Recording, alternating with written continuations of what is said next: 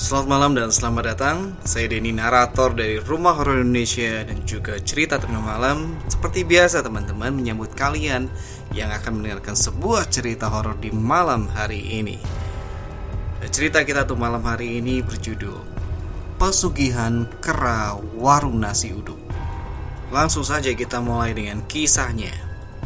Waktu itu saudara saya sebut saja Mas Hasan punya rumah di daerah Bogor tapi karena kerjanya di Jakarta, dia pulang ke rumahnya seminggu sekali, sekedar mengetahui keadaan rumah dan sekalian bersih-bersih.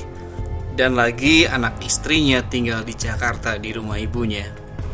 Nah, waktu itu Mas Hasan dan anaknya yang pertama, Andi, pulang ke rumahnya di Bogor dan pulangnya itu malam hari.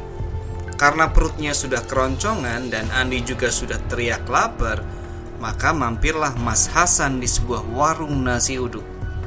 Dengan kondisi yang sangat lapar, makanlah Mas Hasan dan Andi di warung itu.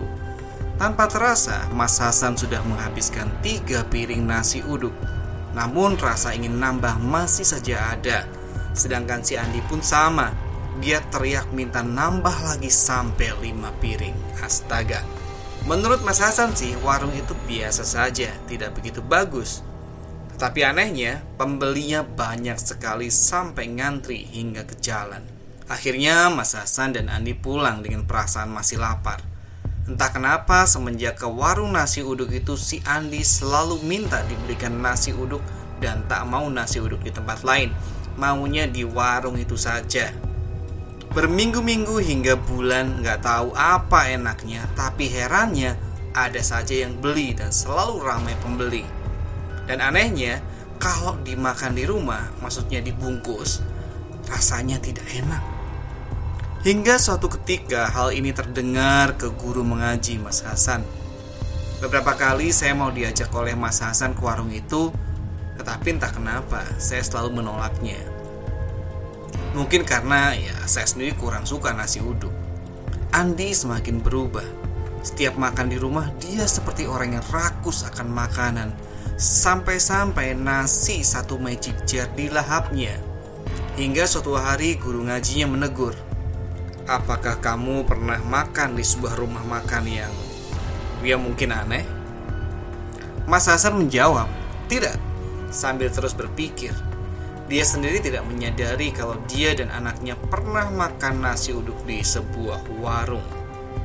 Akhirnya pada suatu malam saat Mas Hasan mengaji Sang guru yang merasakan keanehan pada perilaku makan Andi mencoba menerawang tanpa memberitahu Mas Hasan. Setelah selesai pengajian, barulah sang guru memberitahukannya bahwa ada sesuatu yang tidak kasat mata yang selalu mengikuti Andi. Dan dari situlah diketahui bahwa warung nasi yang pernah didatangi Mas Hasan menggunakan makhluk gaib siluman monyet di mana setiap orang yang berkunjung dan memakan nasi uduk di sana pasti lahap dan rakus, sehingga tidak merasa kenyang biarpun sudah makan 10 piring.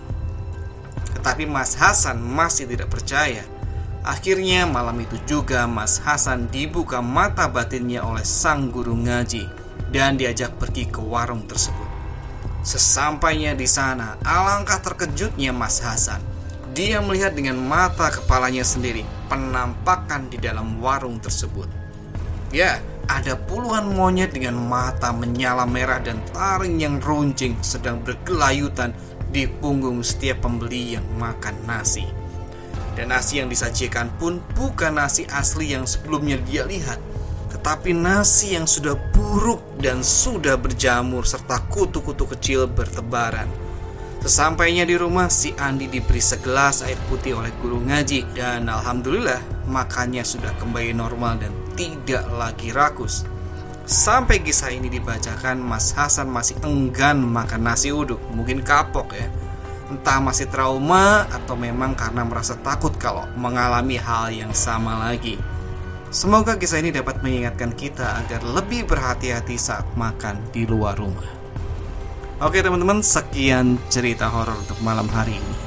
Terima kasih sudah mendengarkan sampai akhir. Sampai berjumpa kembali di cerita horor berikutnya. Selamat malam, selamat beristirahat.